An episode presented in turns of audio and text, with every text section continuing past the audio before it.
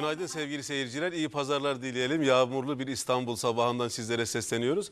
Büyük ihtimalle kahvaltıda çay keyfi ve ailece berabersiniz ama eğer yetişkin bir eşiniz varsa, yetişkin bir oğlunuz varsa, yetişkin bir e, hanım varsa, bey varsa ne oluyor? Onların dikkat eksikliği nelere sebebiyet veriyor? Bugün bunları konuşacağız. Yani e, hiperaktivite çocukluk ve ergenlikte kalmamışsa, erişkinliğe, yetişkinliğe ulaşmışsa nelerle karşılaşırlar? İş hayatları nasıl olur? Aile durumlarını nasıl götürebilirler? Ya da ne gibi sıkıntılarla karşılaşır? E, bu durumla beraber eşlik eden psikiyatrik başka sorunlar olursa durum nerelere gider? Bütün bunları bugün konuklarım bizlere enine boyuna anlatacaklar. Hemen konuklarımı takdim etmek isterim konuya girmeden evvel. Doçent Doktor Eylem Özten hocamız merhaba, hoş Merhabalar, geldiniz. hoş bulduk. Üsküdar Üniversitesi'nde hocasınız ve NP Fener yolunda değil mi? Evet, Ee, aynen öyle. e, Devam ediyoruz. Uzun bir aradan sonra tekrar bu pazarı geldiniz. Çok teşekkür ederim. Rica ederim, Ee, bilgilerinizden yararlanacağız. Ee, uzman psikolog Serkan Elçi. Etiler'den. Evet, Merhaba, merhabalar. hoş geldiniz. Hoş Etiler bulduk, sağ olun. Merkezi'nden. Hocam bu konu mühim. Aslında bu konu aklıma gelince benim zihnimde oluşan kişiler de oldu. Ya evet bu böyledir dediğim kişiler oldu. Elazığ'da bir arkadaşım var. e, Hasan Bilge motor takılmış gibi bir adam. Genelde öyle anlatıyorlar. Hani yerinde duramıyor. Abi ne zaman sorsan kesinlikle 101 tane projesi vardır adamın. Ve her gün yenilenen bir şey. Ve asla yerinde durmuyor. Her toplantıya yetişir. Her yerde fotoğrafı var. Her konuya gelişir. Biraz böyle bir yapıdan mı bahsediyoruz diye de sorasım geliyor ama bir tanımdan başlayalım hocam isterseniz. Ne ediyoruz? Dikkat eksikliği, hiperaktivite bozukluğu, hani bozukluk başka, sendrom başka, hastalık başka filan gibi mi anlamamız lazım? Bu bir hastalık mı ya da hastalığa götüren bir evre mi? Ya da nasıl tarif ediliyor? Buyurun efendim. Ee, bir kere yaygın bir şekilde görülen ve hayatı birçok alanda çok sıkıntıya uğratan bir nöropsikiyatrik hastalık aslına baktığınız zaman. Ee, çocukluk döneminde çok tanınan ve bilinen, aynen söylediğiniz gibi işte çocuk motor takmış gibi denilen, e, sınıfta hiç durmayan çocukları çok iyi biliyoruz. Çocuk psikiyatristleri de bunu çok fazlasıyla ele alıyorlar ama erişkin formu çok bilinmiyor maalesef. Ee, o nedenle bu program bence çok da iyi oldu. Ee, bu anlamda biraz e, herkesin aklında bir şey yaratabilirsek bu konuyla ilgili en azından bundan e, acı çeken insanlar da kendilerinin yalnız olmadığını bilerek belki bir tedavi alma yoluna gidebilirler. O nedenle çok önemli bir alan bunun Şimdi tanınması. mesela hiperaktif yetişkin diyelim. Yani çocukluk ve ergenlik döneminde çözmedi. Çözmesi gerekir. Ama onu o programlarımıza havale edelim değil mi? Yani çocuk ergen konukları getirdiğinde Evet. bu konuyu konuşalım. Çocuğuyla ilgili soru almayalım bugün. İyi Daha olur. çok yetişkin üzerinden konuşalım. Fakat yetişkin bir hiperaktif düşünelim. Mesela babam e, köyde ama hiç durmamış. Sabahın köründen kalkmış, oraya koş, buraya koş filan. Şimdi yaşlanıyor, yetilerin azalıyor. Hanım vefat ediyor ve sen şehire taşınıyorsun. Bir odaya mahkum oluyorsun. Cuma'dan cumaya namaza git gel o kadar. Ya zor bir şey olsa gerek hocam. Kesinlikle çok haklısınız. Ee, bir taraftan beyni kalk şunları yap der babanızın. Ama bedeni buna çok fazla müsaade etmiyordur belli bir yaştan sonra. Hakikaten de öyledir. Yani erişkin insanlarda özellikle tabii ki çocukluktan başlar da diyoruz bu sürecin ama erişkin insanlarda bunların fark ediliyor olması genelde iş hayatına atıldıkları zaman fark ediyoruz. Böyle bir problemin olup olmadığında yani yetişkinliğe geçişin aşamaları olarak hani geç ergenlik olarak adlandırdığımız dönemlerde de bunlarla karşılaşıyoruz. Çok fazla işle uğraşırlar, doğru koştururlar ama iki tane formu var. Ee, Bir taraftan dikkat eksikliği, diğer taraftan hiperaktivite. Bunun birlikte görülmesinden bugün bahsediyor olacağız. Yani birlikte görüldüğü zamanlarda kişi doğru hem birçok şeyle ilgilenir ama hepsiyle tam olarak ilgilenemez. Yani e, bir taraftan ne bileyim işte e, aklında zihninde projeler oluşturur ama projelerin hepsinin sonunu da getiremez. Getiremiyor değil mi? Yani Getiremez evet. yok. Yani sabah Nefesi kalkayım. mi yetmiyor? Tabii 10 tane plan yapar belki kendisine yapmak için. Bugün bunları bunları yapacağım der. Ama hangisinden başlayacağını bilemediği için belki hiçbirini yapamaz. Yani tam olarak kararını da veremez. O yüzden de o koşturmalı bir hayat, yerinde duramayan insanlar ama diğer taraftan odaklanamayan, konsantre olamayan insanlardan da bahsediyoruz. Hakikaten yani bu hem akademik anlamda hem işte iş sürecinde, aile yaşantılarında ciddi problemlere yol açabilecek bir rahatsızlıktan bahsediyoruz. Hocam buradan mesela yetişemedikleri de olur mu? Sabaha kadar bir proje hazırlıyor. Yani bir sunum yapacak. Çok önemli. Yerinde duramıyor ama yani yerinde duruyor ve bir proje hazırlıyor. Fakat yetişemediği de oluyor ya da başka yerlere savruluyor. Mesela anlatacağı çerçevenin dışına asla e, sadık kalamıyor ve muhakkak dışına taşıyor. Bu kişilerde de görülür mü böyle, şeyler? Yani sınırlayamama, yani anlatacağı konuyu sınırlayamama, sunumun konusunu bitirememe. Mesela diyelim ki TEDx'lerde o 20 dakika veriyorlar. 120 dakikada önce anlatabiliyor gibi. Ya bu da görülür mü hocam? Çok fazla görülür. Burada bir örnek vermek istiyorum. Bir hastamın çok güzel bir tanımı var. Beynim çok hızlı dönen bir atlı karınca gibi demişti. bir hastam da şey demişti. "Ee, o kadar çok konudan konuya geçiyorum. Beynimde planlar, projeler o kadar değişiyor ki bilgisayarımda baktığım zaman en az 15-20 sekme bir anda açık halde. Gerçekten beyin de böyle. Yani beyninde e, dikkat eksikliği, hiperaktivitesi olan kişinin çok fazla sekme açık. Konudan konuya geçilmiş. Çünkü o konuda odaklanıp kalınamıyor. Odaklanıp kalınabilse Serkan Bey'in dediği gibi sonu gelecek. Evet. Ama odaklanılamadığı için sonu gelemiyor. Erteleniyor, başka projeye geçiliyor ve böylece işlevsel olmuyor. Sonu gelmediği Sonu için. gelmediği için. Belki konuyla ne kadar bağlantısı var bilmiyorum. Şu anda aklıma geliyor. Mesela şimdi bir kahvaltı sofrasına oturuyorsunuz. O kahvaltı sofrasında diyelim ki bir sürü ürün var. Bazı tanıdıklarım var. Onların hepsini ayrı ayrı tüketiyor. Yani diyelim ki yumurtayı bitirmeden asla peynire dokunmuyor. Ya da diyelim ki yeme- yemek var ama yani biz diyelim ki ondan da sebze var ondan da alıyoruz. Diyelim ki diğerinden de alıyoruz. Birisi önce o bitecek.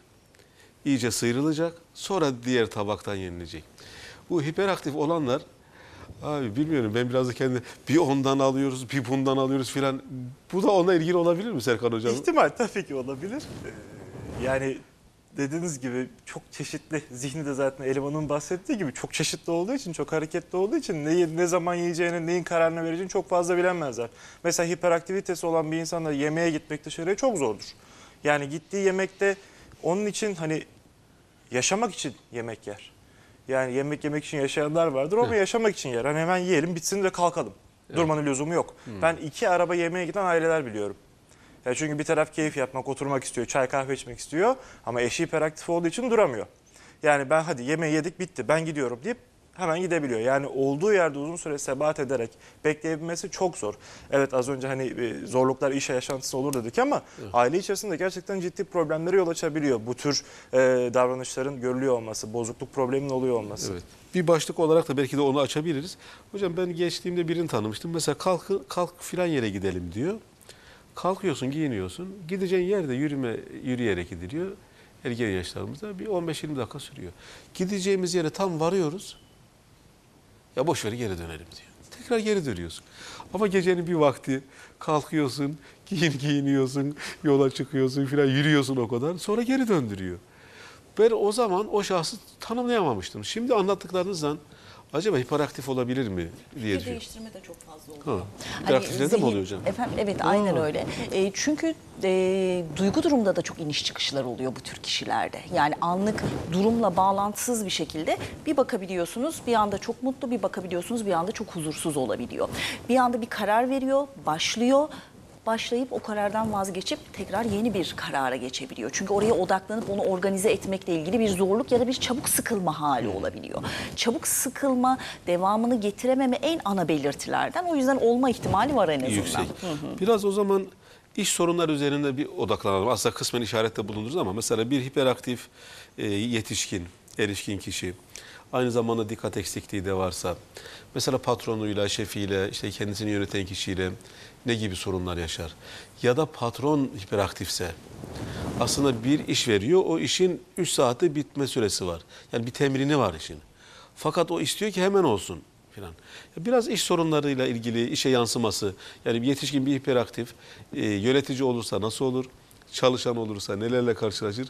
Ne var zihninize? Get size hastalarınızın getirdiği konular da vardır muhtemelen. Ee, Başlayamama kısmı, erteleme, e, odaklanamamanın getirdiği sıkıntılar ve e, en önemlisi beyinde e, prefrontal bölge dediğimiz bu ön bölgeyle ilgili e, bilimsel anlamda kanıtlar var bu hastalıkta etkilendiğine yönelik ve o bölge aslında organize etmekle ilgili de bir alan aynı zamanda.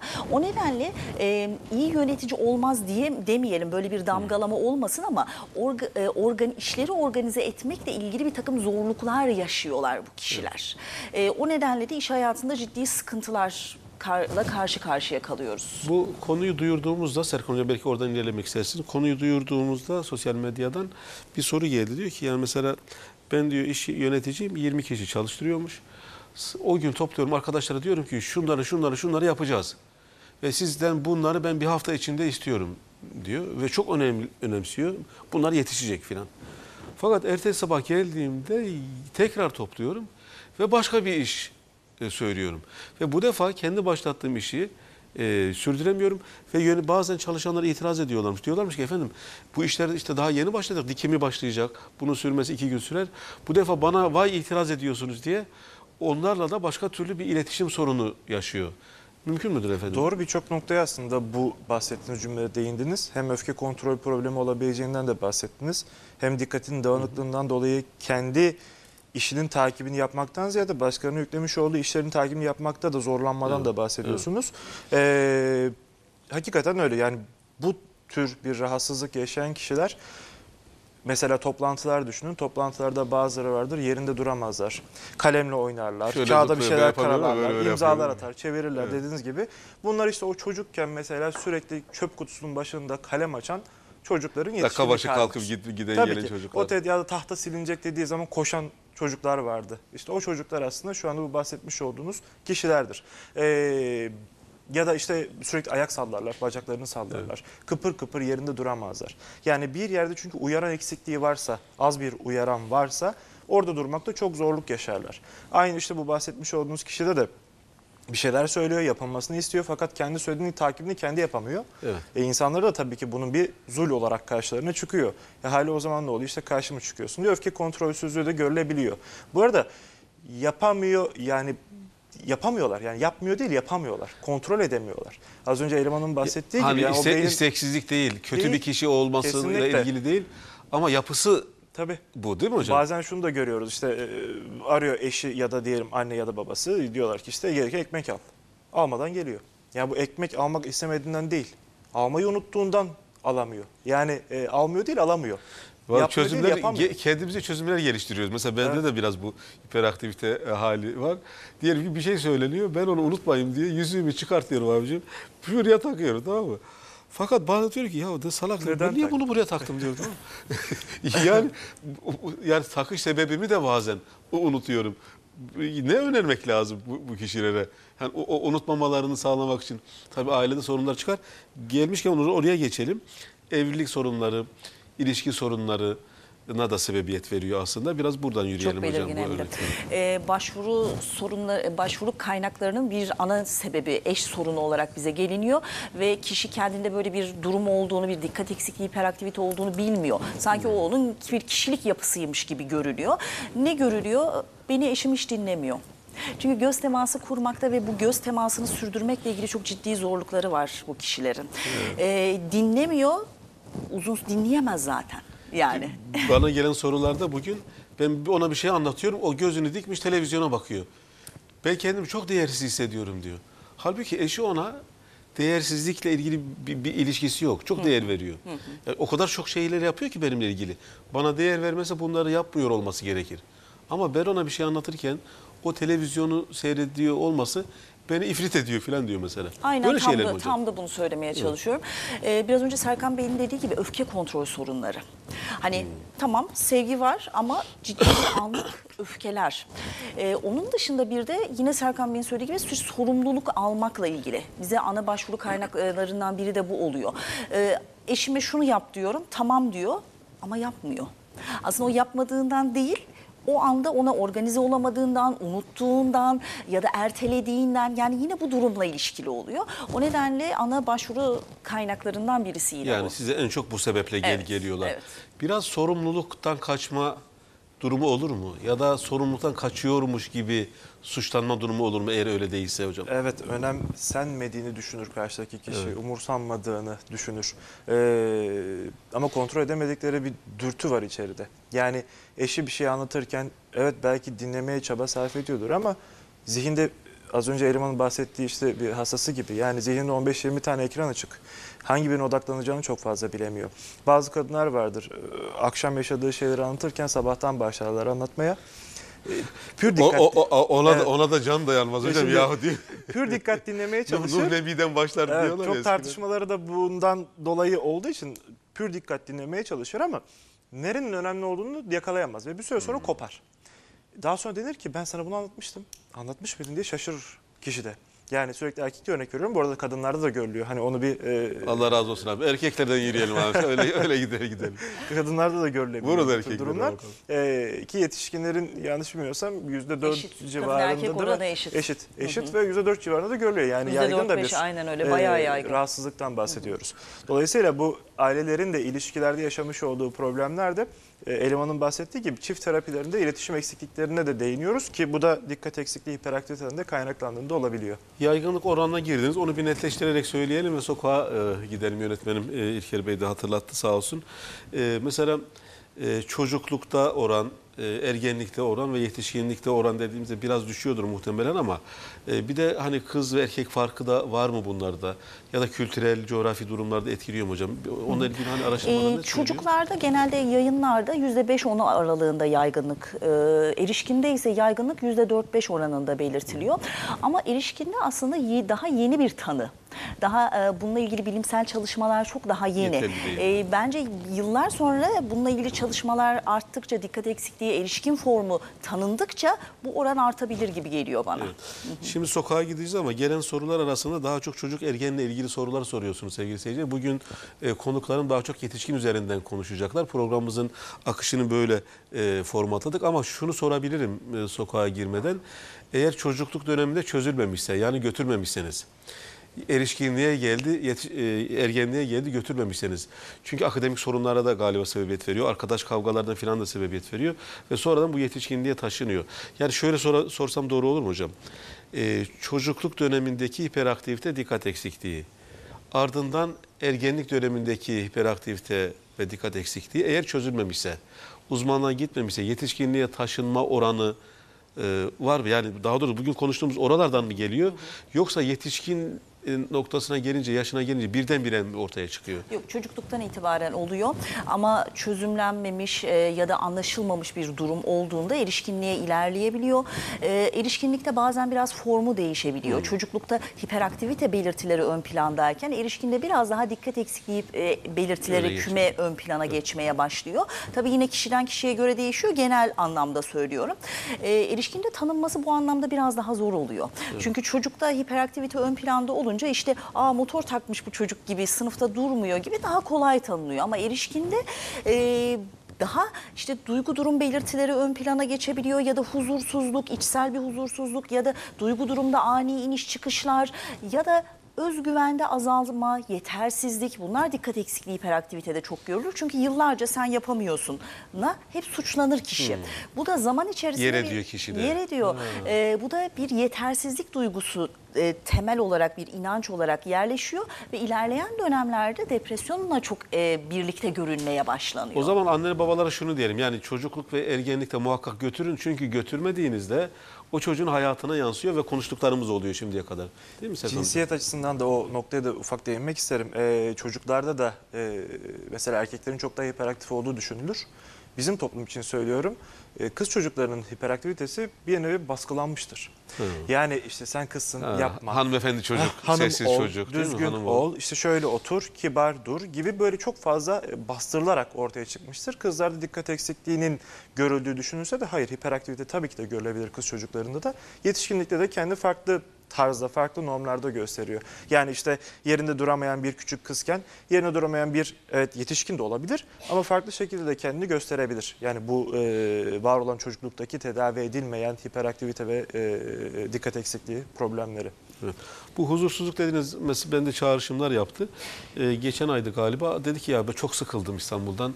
İşler de istediğim gibi gitmiyor. Gideceğim böyle kafama göre bir hafta 10 gün dinleneceğim dedi. Vedalaştık falan. İki gün sonra onu tekrar gördüm. E ne oldu hani bir hafta 10 gün kaçacaktın? Abi de gittim ama huzur bulamadım geri döndüm dedi mesela. Yani şimdi siz huzur de deyince o aklıma geldi. Yani büyük ihtimalle o kişi aslında size gelip değil mi? Yani niye gittiği yerden huzursuzluk yaşıyor? Ne aradı da bulamadı onu filan? Bunlar bakılabilir şeyler. Tabii. Yani illa da e, hani büyük bir olay olduktan sonra, başına bir şeyler geldikten sonra, kayıplar yaşadıktan sonra gitmek gibi bir durum olmamalı. Değil mi Hocam? Kesinlikle. Yani Ee, bize genelde bir krizden sonra geliniyor. Kişi ya işini kaybediyor ya işiyle ilgili sorunlar yaşıyor. Ama hani o krizi beklemeden gelirse kişi aslında. e, yalnız şöyle bir şey var. Tanınmadığı için bu hastalık. Mesela içsel devamlı bir huzursuz Evet. kişi oturuyor. Böyle bir kıpır kıpır e, içinde böyle bir gerginlik, içsel bir gerginlik. işte bacaklarını sallıyor. Devamlı konu değiştiriyor. Kafasında birçok şey devamlı dönüp duruyor ama bilmiyor ne olduğunu. Yani onu sanki doğal kendi hali öyleymiş gibi algılıyor. Ama öyle değil. E, işte bunun tedavisi yapıldığı zaman hayatta birçok alan düzene girmeye başlıyor. E, ilişkiler de daha çok düzene giriyor. E, performans anlamında da işte de daha iyi odaklanabiliyor. E, ve çok daha iyi sonuçlar alıyor. Evet, iş yani aslında yaşamı daha doğru yönetebiliyor Aynen gibi bir öyle. sonuç. Çünkü ya ekonomik kayıplar da oluyor. Yani o kişi oteli kiralıyor değil mi? Yani ön- önden ödeme yapıyor, hazırlık yapıyor, alıyor işte sevdiğini, çoluğunu çocuğu gidiyor ve ertesi gün onlara diyor ki haydi geri dönüyoruz. Yani hakikaten ilişkiyi sabote eden bir şey.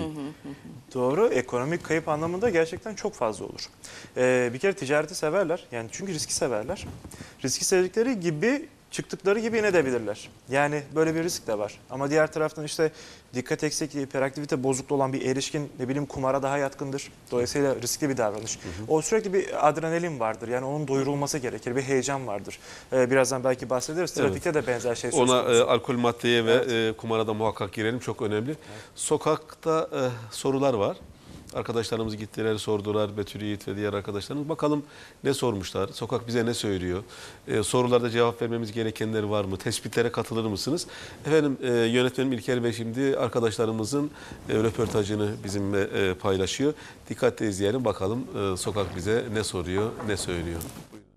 Sadece çocuklarda değil, yetişkinlerde de meydana gelen dikkat eksikliği ve hiperaktivite bozukluğu, konuşurken başka yere dalıp gitme, konsantre olamama, detaylarla ilgilenirken sıkılma gibi durumlara sebebiyet verebiliyor. Peki bu durumlardan kurtulmak mümkün mü? Tüm bu sorularımızı uzmanlarımıza soracağız. Ama öncesinde gelin bilimden sağlığa ekibi olarak sokağın nabzını tutalım. Yetişkinlerde dikkat eksikliği ve hiperaktivite bozukluğu hakkında bilginiz var mı? Evet var.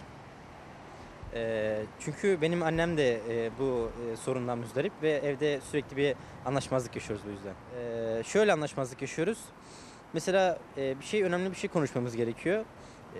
Konu söylüyorum. Telefona odaklandığı için e, beni duymuyor ve bu evde bir iletişimsizlik haline geliyor ve sürekli bir sorun yaşıyoruz. Sürekli bir evde bir kavga, bir gürültü ol- ol- oluşuyor.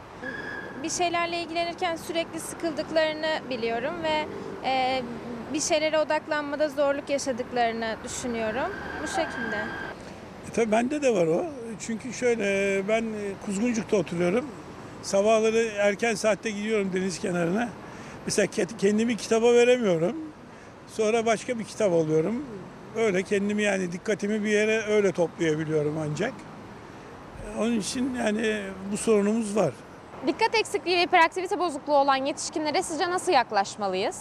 E, onları sıkılmadan dinlemeliyiz. E, daha sakin yaklaşmalıyız. E, ne hissettiklerini anlamaya çalışmalıyız. Valla bizi yani usanmadan dinlemeleri gerekiyor yani bizim anlattıklarımızı. Yani bize e, anladıklarını, bizim söylediğimizi e, anladıklarını bize hissettirmeleri lazım. Yoksa biz kendimizi e, şey yapmış hissediyoruz. Yani böyle ıskartaya ayrılmış gibi hissediyoruz. Eğer bir insan bizi takmıyorsa veya bize odaklanamıyorsa bunu ona sormalıyız. Neden? Yani bir hastalığın mı var, bir e, sorun mu var? Bunu ona sorup ona göre davranmalıyız. Yoksa bu şekilde iletişimsizlik insanı çok yoran ve insan ilişkilerini bozan şeylerden biri. Ya daha yakın olmak lazım. Ee, yani daha şefkatli olmak lazım ki onların dilinden anlamak lazım yani. Öyle yanaşmak lazım. Başka türlü olmaz yani. Peki bu konu hakkında uzmanlara bir soru sormak ister misiniz? E, ne yapmamız gerekiyor yani? O işte bulmaca çözüyoruz. Bize söylenen o. İşte bulmaca çözmeye çalışıyoruz. İşte kitap okuyoruz. Ama tabii kitap okurken de dediğim gibi sorunlar çıkıyor ortaya. Onun için yani e, ne yapmamız gerekir? Bunun hakikaten yani böyle e, kulaktan dolma değil de bir uzmandan dinlemek daha faydalı olur diye düşünüyorum. E, sorum şu bizim e, Türk halkı olarak, Türk toplumu olarak e, bu insanlar olan yaklaşımımız tam olarak onları kırmadan e, bizi de e, onlarla kötü etmeden onlara nasıl davranabiliriz? Onlara nasıl bir e, üslup e, yaklaşabiliriz? dikkat eksikliği olan özellikle yaşlılarımız eee, nasıl tedavi olunabilir? Evet teşekkür ederiz Ee, arkadaşlarımıza sokağa gittiler sordular. Aslında güzel şeyler de söylüyorlar. Ee, böyle hani tebessümle e, bakabileceğimiz durumlar da var. Hatta birisi dedi ki ya ıskartaya çıkmış gibi kendimi hissettiriyorlar. Dinlenilmeyi ve anlaşılmış olmayı bekliyorlar. Bu aslında hayatın her alanında var. Böyle olmadığında biraz bu sorulara cevap verirken de hocam e, stresle baş etme durumu ya da kişilerde stres oluşturan durumlar. Bu durum herhalde o kişilerde böyle bir şeye sebebiyet veriyor. Ne söylediler? Sorular nasıl, tespitler nasıl, değerlendirmenizi Hocam. Ee, güzel tespitler var aslında. Ee, özellikle bizi anlasınlar. Evet. Hani her alanda empati çok önemli ama bu konuda özellikle önemli çünkü bu kişiler bilerek ve isteyerek yapmıyormuş gibi. Sen tembelsin. Hastalarımızın çok sık duydukları cümleler bunlar. Ee, sen sorumluluk almıyorsun. Ee, sen bilerek yapmıyorsun. Ee, cümleleriyle çok sık karşılaşıyorlar. Ee, ve bunlar süreç içerisinde kişide özgüveni yerle bir eden durumlar oluyor. O nedenle önce eleştirmememiz gerekiyor.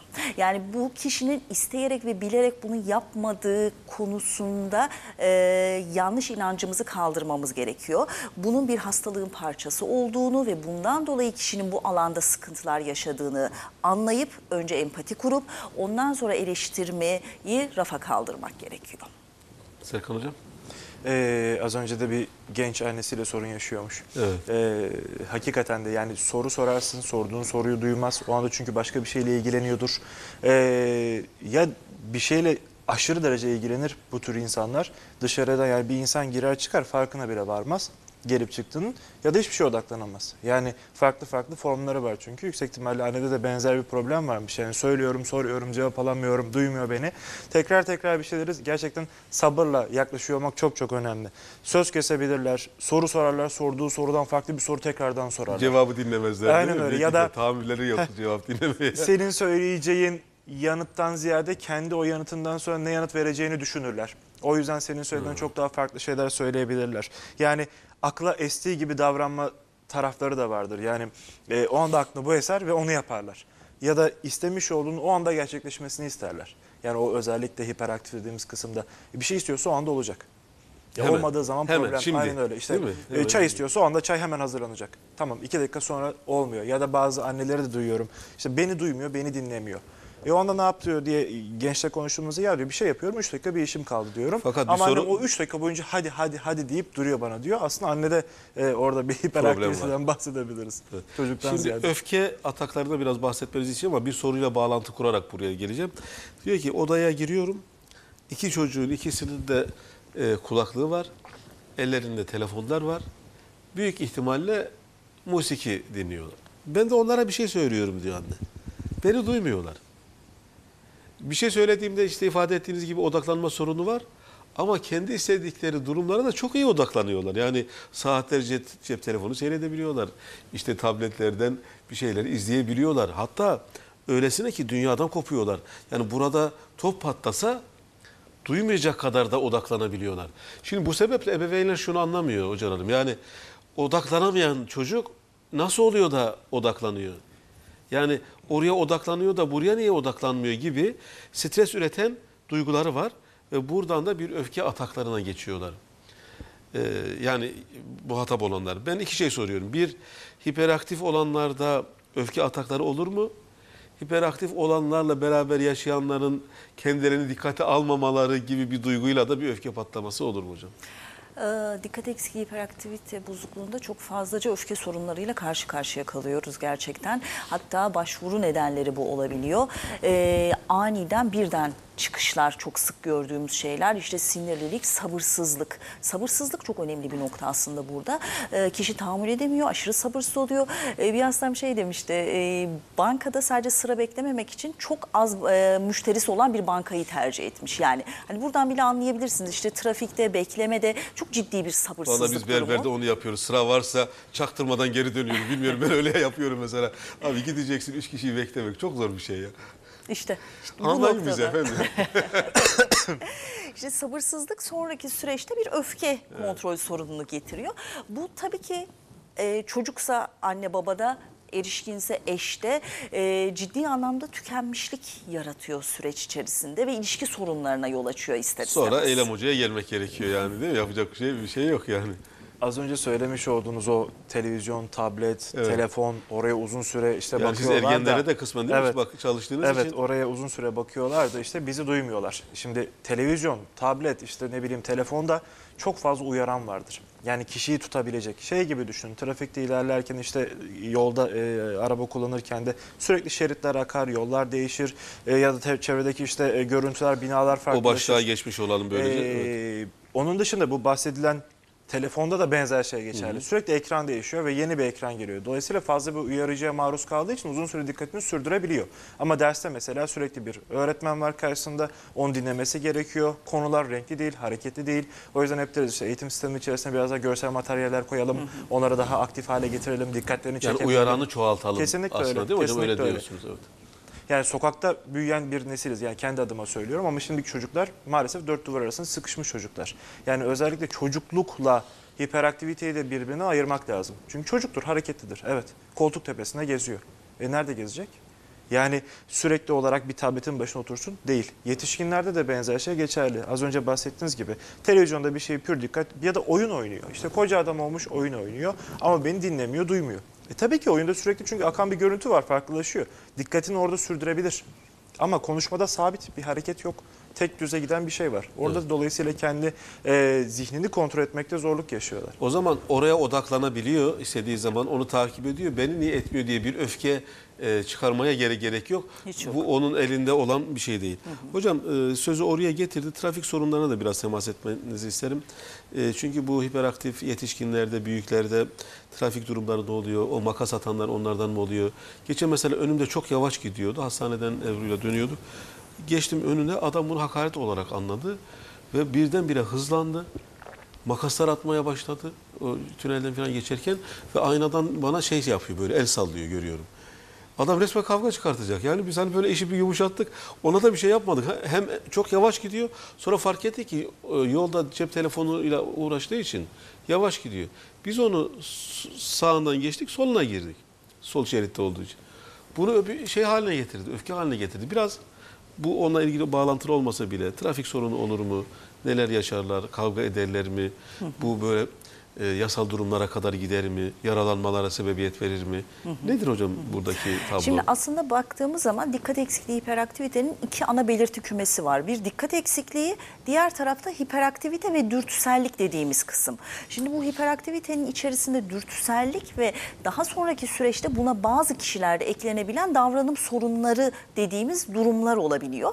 İşte bu davranım sorunları işin içine girerse işte öf- klasik bir öfke probleminden çıkıp işte suç, e, ceza e, gibi bir takım durumlara işte trafikte e, işte trafik canavarı dediğimiz insanlar işte davranım problemi olan insanların o bir zaman kısmı eşlik olabiliyor. eden başka durumlar da var. Buna Evet, dikkat edilmeli. evet, aynen Harika. öyle. İşte o dürtüsellik tarafı iyi e, kontrol altına alınıp tedavi edilmezse ya da kişi bunu çok iyi yönetemeyecek durumdaysa bu noktada işte davranım problemleri dediğimiz tablolar eşlik ediyor. Ama burada yine ayırt edelim bu klasik dikkat eksikliği, hiperaktivite herkeste e, bu davranım sorunları olacak demek değil. İyi yönetilmezse süreç buna eklenebiliyor. İşte orada da e, trafikte ciddi anlamda e, kötü, olumsuz sonuçlara yol açabilecek şeyler oluyor. Dürtüsellik dediğimiz şey zaten sonucunu düşünmeden davranma demek. Evet. Yani işte burada Ne trafikte çok ciddi bir kazaya sebep olacak ama o an onu hiç düşünmeden anlık bir girişimde bulunabiliyor kişi. Sen bu işin sonunu hiç düşünmedin mi falan diye değil mi? Bir Türklerimiz e, var. trafikte nedir önemli olan şey? Sürekli dikkati sağlamak. Zaten en büyük problemleri de bu sürekli dikkati sağlayamıyorlar. O yüzden de az önce bahsettiğiniz gibi telefonla uğraşıyorlar araba kullanırken ya da şuna da karşılaşmışsınızdır belki. Kırmızı ışıkta duruyor ama yavaş yavaş arabayı hareket ettiriyor. Minik minik gidiyor duruyor, gidiyor duruyor. Ya da bir anda öndeki arabaya ışık yandı gibi kornaya basıyor ilerle hadi diye. Bunlar da tabii gene hiperaktivite olan insanların temel problemlerinden bir tanesi. Yani bu e, araç kullanırken de ciddi problemlerle karşılaşılabiliyor. Efendim son 5 dakikamızdayız. Yönetmenimle e, irtibata geçtik. Şimdi davranım bozukluğu olabiliyor. Başka psikiyatrik sebep e, durumlar var. Fakat yandakileri de psikiyatrik sorunlara sebebiyet verdiriyor olabilir. Kendini hiç anlamadığını, anlaşılmadığını düşünüyorsa eşi, hiperaktif olan e- erkeği tarafından ya da hanımı tarafından o da bir süre sonra değersizlik duygusuyla belki depresyona gidiyor ya da e, işte başka durumlar aktı, harekete geçiyor. Biraz bunları isimlendirerek bahsetmenizi isterim. Bir de bu huzursuzluk hali o kişiyi alkole, maddeye, kumara yönlendirir mi? Ee, böyle e, kısa bir biçimde devam edelim. Depresyon oranları çok yüksek bu kişilerde.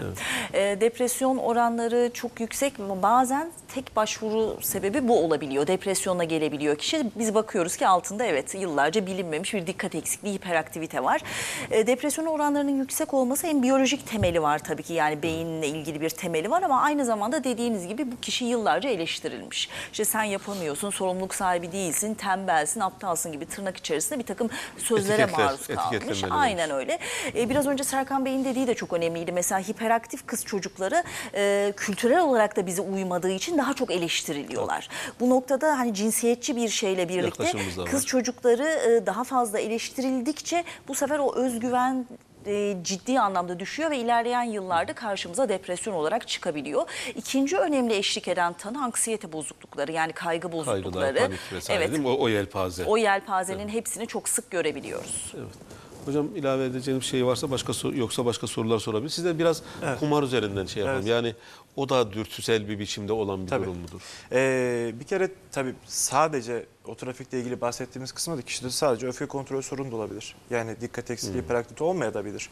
Ya da ne bileyim işte bağımlılıklarda da pür olarak bağımlılık da görülebilir. Fakat bu tür bir rahatsızlık yaşayan kişide görülme oranı çok daha yüksektir.